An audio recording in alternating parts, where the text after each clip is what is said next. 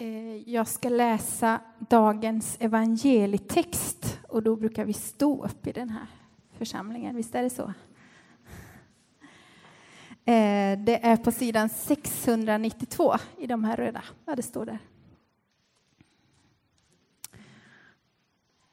Sex dagar senare tog Jesus med sig Petrus, Jakob och hans bror Johannes och gick med dem upp på ett högt berg där de var ensamma.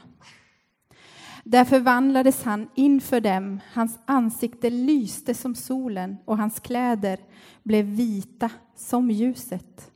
Och de såg Mose och Elias stå och samtala med honom. Då sa Petrus till Jesus, Herre, det är bra att vi är med.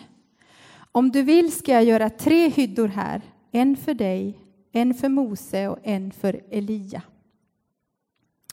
Medan han ännu talade sänkte sig ett lysande moln över dem och ur molnet kom en röst som sa Detta är min älskade son, han är min utvalde, lyssna till honom. När lärjungarna hörde detta kastade de sig ner med ansiktet mot marken och greps av stor skräck. Jesus gick fram och rörde vid dem och sa Stig upp och var inte rädda. De lyfte blicken och då såg de ingen utom Jesus. Så lyder Herrens ord. Gud, vi tackar dig. Ja, jag heter alltså Sandra Åkersten och har förmånen att få predika idag. Jag vet inte hur det är med er, men för mig är berg mycket speciella platser. Det är kanske inte så konstigt, för jag är både född och uppvuxen i Schweiz, som många av er vet. Då är det alltid nära till ett berg. Och jag tycker det är helt fantastiskt och hänförande att få på så där, stå på så där 3-4 tusen meters höjd och blicka ner hur landskapet breder ut sig under mig. Det ger mig både vidgade vyer och större perspektiv. Om ni har haft tillfälle att stå på ett där, sånt där alpstopp så tror jag att ni kan förstå lite av den här känslan som jag har inför berg. Och att stå där på berg och se ut över det som breder ut sig under mig det gör att jag får en förnimmelse av Guds storhet, av hans skapelse. Och det fyller mig både med vördnad och jag upplever det som väldigt mäktigt. Och dagens berättelse det utspelar sig ju också på ett berg. Jag tror i Bibeln är berg ofta speciella platser. Det verkar vara så att många människor har fått möta just Gud och fått honom uppenbarad just på bergstoppar. Händelser i dagens text, Jesus på härlighetens berg, förklaringsberget. Och temat för denna dag är Jesus förhärligad. Och det är inget ord jag brukar använda i vanlig fall i min vokabulär. Så jag var tvungen att slå upp det, vad som egentligen menas. Och då står det att det betyder bland annat att lovprisa, att lovsjunga, att ge ära, att ge gudagestalt och att gudomliggöra. Men då kan man ju tänka sig varför denna händelse, denna uppenbarelse just nu? Och då får vi läsa att ja, så där en vecka innan så hände det en hel del. Då var det Petrus som hade förstått och bekände Jesus som ett Messias. Han hade fått frågan av Jesus vem säger ni att jag är? Och då säger han, du är Jesus.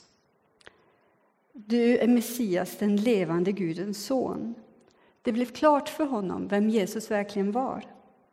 Att han var mer än bara en mästare, en lärare, en klok människa, en rabbi. Utan han var den väntade Messias. Efter denna händelse så var det också så att Jesus för första gången förklarade för lärjungarna att han skulle få lida, att hon skulle gå till Jerusalem, lida och till och med dö. Och det var ju svårt att ta in för lärjungarna. Inte minst för Petrus. Nu hade de ju precis börjat förstå vem Jesus var. Inte kan väl Jesus lida och dö, Messias, han som skulle komma och liksom uppenbara Guds rike. Men likväl så står Jesus inför sin vandring upp till Jerusalem. Det är hans största utmaning. Så att fullfölja sitt syfte och uppdrag här på jorden. Han visste att han skulle gå emot en säker död. Men innan dess, innan han skulle börja denna vandring, så drar Jesus sig undan, upp på ett berg. Det är i och för sig inget ovanligt. Jesus brukar göra så. Han brukar dra sig undan, står för att be, för att vara ensam med lärjungarna. Han tar med sig sina mest invigda, förtrogna. Han tar med sig Jakob, Johannes och Petrus. Jag tänker mig det måste ha varit bland de bästa stunderna att få vara ensam på ett berg med Jesus. Att äntligen få fråga allt det man har undrat över när man har varit med om så omvälvande händelser, om allt som man har sett, om allt som Jesus har lärt ut. Att man äntligen kunde ställa frågorna och bara vara med honom. Men denna gång visar sig var det ingen vanlig bönestund eller pratstund med Jesus. Denna gången är allt annorlunda. Allt som nu händer är väldigt märkligt och säkerligen inte helt lätt att återge och beskriva. Det som händer nu det är att utan förvarning så förvandlas plötsligen Jesus inför deras ögon. Det står att hans ansikte börjar lysa som solen. Har ni tittat någon gång, eller försökt titta i solen? Det måste ha varit mäktigt att få se det, hur Jesus förvandlades. Hans kläder blev skinande, vita som ljus. Det som händer nu det är lite som en privat förhandsvisning av vem Jesus är i sin gudomlighet. Här får Petrus, Johannes och Jakob en inblick i den himmelska härligheten. Den som Jesus faktiskt lämnade för att bli människa. Och den verkligheten som Jesus skulle återvända till efter sin död. Lärjungarna får se Jesu gudomlighet. De får en glimt av den himmelska världen. Men som om det inte vore nog så finns plötsligen också två gestalter där. Både Elia och Mose. Och Jesus börjar prata med dem. Att det är just Mose och Elia är kanske inte så konstigt. För Mose, han var den som stod för lagen det var han som fick stentavlorna och buden av Gud. Och Elia han ansågs vara den största av profeterna, de som förkunnade en kommande Messias. Nu får lärjungarna få se och höra att Jesus samtalar med dem. Och då blir det uppenbart för dem att nu är tiden inne. Att Jesus är både den som uppfyller lagen och också den som verkligen är den utlovade Messias, frälsaren. Petrus han blir alldeles till sig. Det här blir bara för mycket. Så bra att vi är med. Här kan vi inte bara stå och titta. Låt oss göra någonting. Ska vi bygga tre hyddor, en för dig Jesus, en för Elias, en för Mose? Men han hinner inte ens prata färdigt. Så händer det något mer. Ett lysande moln sänker sig ner över dem och de hör en röst. Detta är min älskade son. Honom har jag utvald. Lyssna till honom. Det blir bara för mycket. De blir helt skräckslagna. De förstår att detta är Gud som talar. Det känns i hela deras kropp. Och de kan inget annat än att kasta sig ner med ansiktet mot marken. De är helt överväldigade av Guds närvaron. De är både skräckslagna och lamslagna. Men då, då kommer Jesus fram till dem. Han rör vid dem. Han säger, res er upp. Var inte rädda. Och nu verkar det hela vara över. Nu finns bara Jesus, Petrus, Johannes och Jakob kvar på berget. Och visst är det här en väldigt märklig och mäktig berättelse. Plötsligt öppnas ett himmelskt fönster. Ett tidsfönster, kan man säga. Här får lärjungarna vara med och se en glimt av vem Jesus egentligen är. Att Jesus är gudomlig. De får se honom sådan som han är i himmelen. De får både se och höra att han verkligen är Guds son. Händelsen tydliggör också en annan verklighet, en annan dimension. De förstår att det finns någonting annat än det vi kan uppfatta med våra ögon. En gudsdimension. Himmelen är på riktigt. Och då tänker jag, liksom, varför är denna händelse viktig? Varför behövs denna uppenbarelse? Jag tror att händelsen var både viktig för lärjungarna och för Jesus. För lärjungarna blev det livs, en livsavgörande upplevelse. De fick vara med om att se Jesus på ett annat sätt. De blev förvandlade. Och det de fick vara med om förändrade deras liv för alltid. För Petrus, Johannes och Jakob står det utom allt tvivel att de står mitt i ett gudsmöte. De får också en insikt om Guds härlighet, hans ofattbara storhet och den egna litenheten. Att få en glimt av Guds storhet det inger vördnad och respekt en gudsfruktan, det är bara att böja sig ner. Men lärjungarna får också bekräftat av Gud själv att Jesus är Guds son. Och de blir uppmanade att lyssna till Jesus, att lita på det han säger, att det är sant. Förmodligen är det först efter Jesu död och uppståndelse som lärjungarna förstod denna händelse fullt ut. Då försvann allt tvivel, tror jag. Och jag tror att denna händelse blev ännu viktigare och direkt livsavgörande för dem när de sedan skulle ut och förkunna evangeliet, oftast under stora ombäranden och ofta med livet liksom hotad.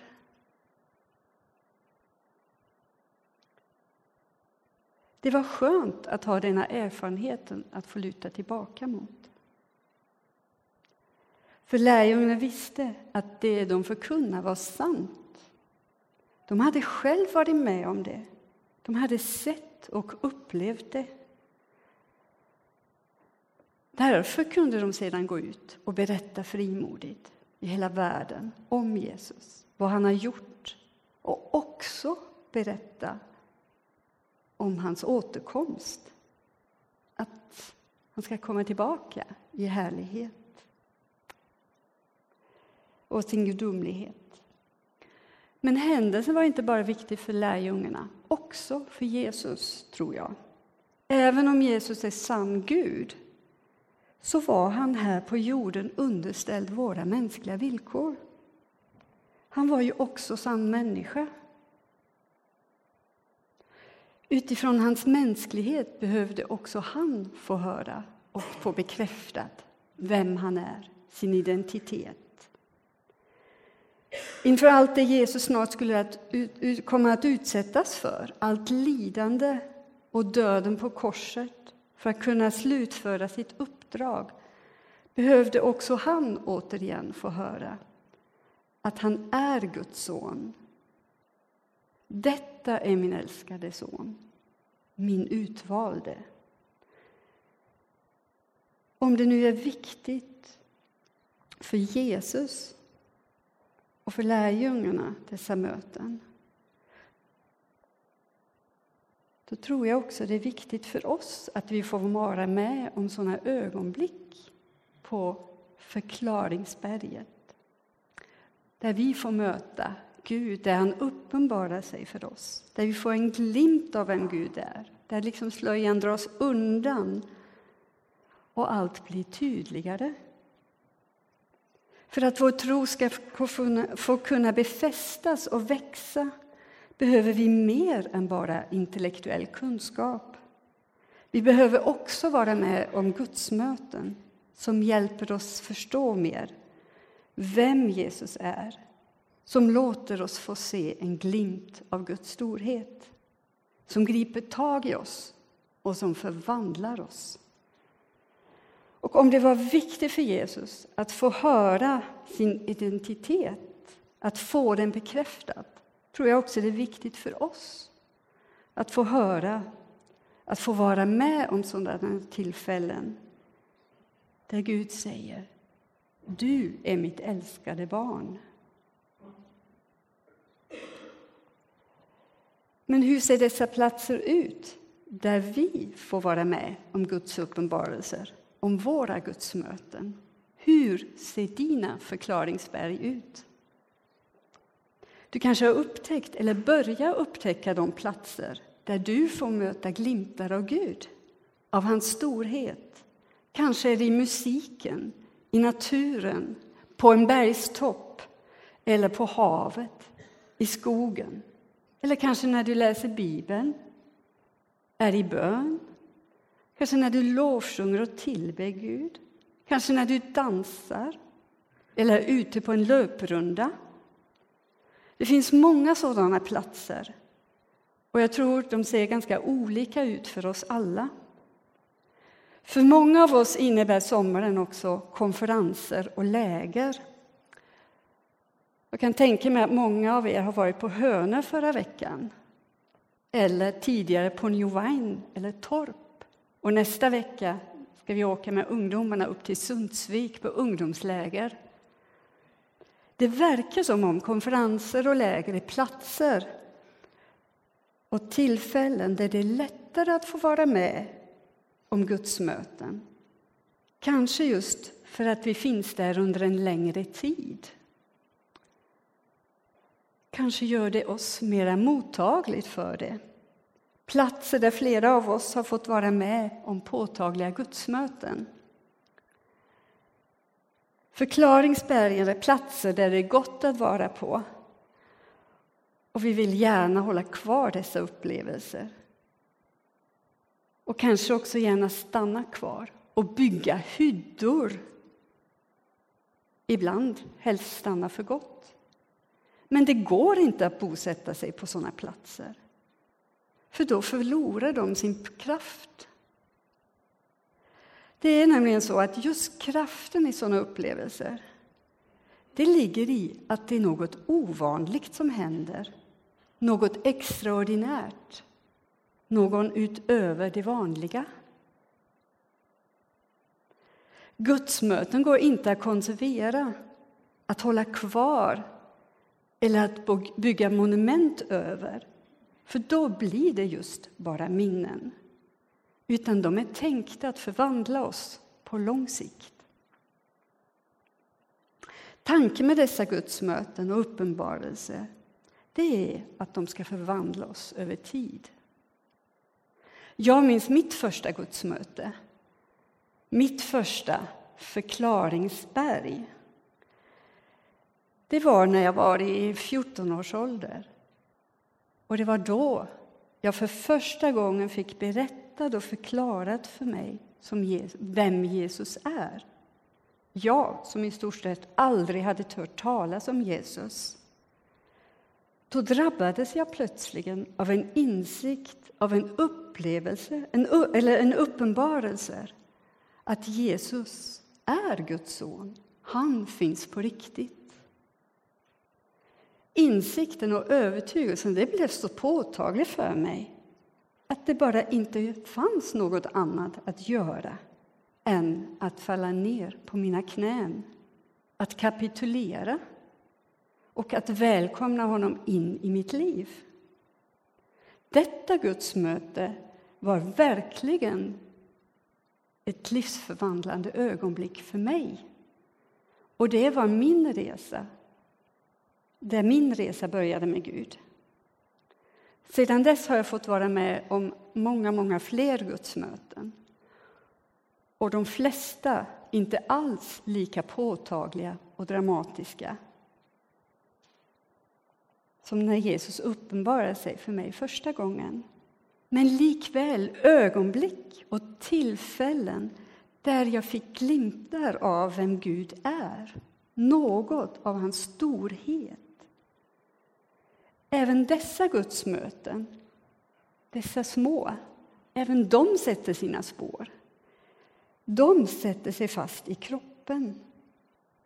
Och det är ibland först över en längre tid, när jag blickar tillbaka, som jag ser hur de faktiskt har påverkat mig och förvandlat mig.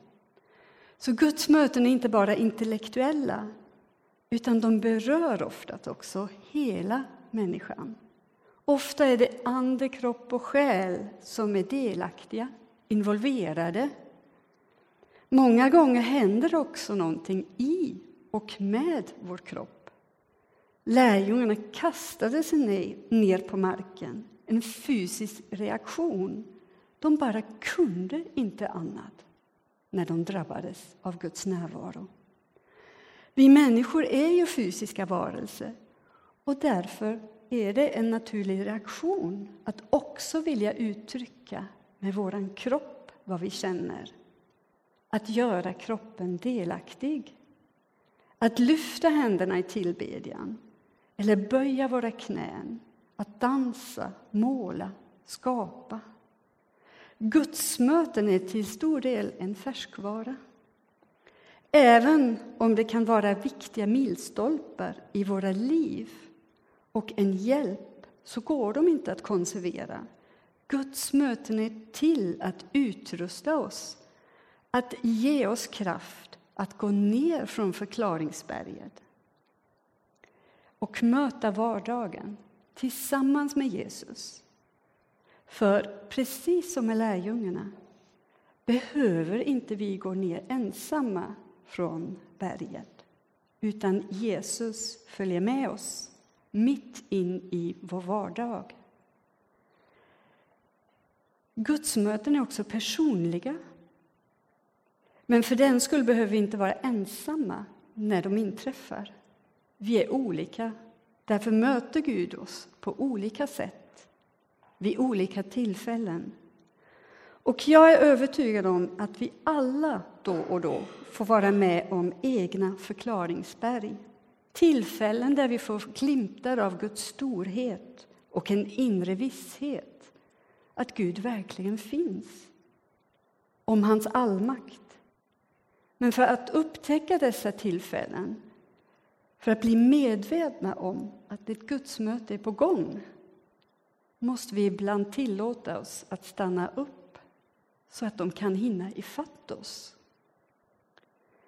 Och du som längtar efter ett Guds möte, ett möte på förklaringsberget, just gudstjänsten som du är med och firar idag, som vi firar varje söndag, det kan vara ett sådant tillfälle.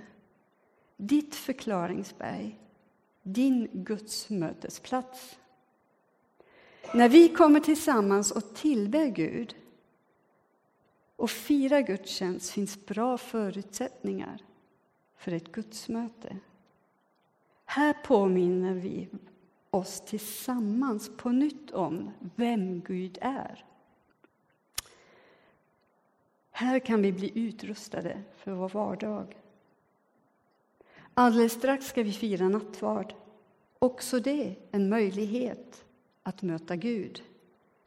Ett ställ, tillfälle där vi får möta honom med alla våra sinnen. Där vi får ta emot honom i bröd och vin. Och kanske är du just nu i behov av ett nytt gudsmöte, ett livsförvandlande möte. Eller bara längtar efter att få stå på den här alpstoppen och få vidgade vyer och nya perspektiv. Gud vet vad vi behöver. Han vet att vi behöver sådana ögonblick i vår efterföljelse. Och du kan utgå ifrån att han vill möta dig och uppenbara sig för dig. För han längtar också efter att möta dig. Amen.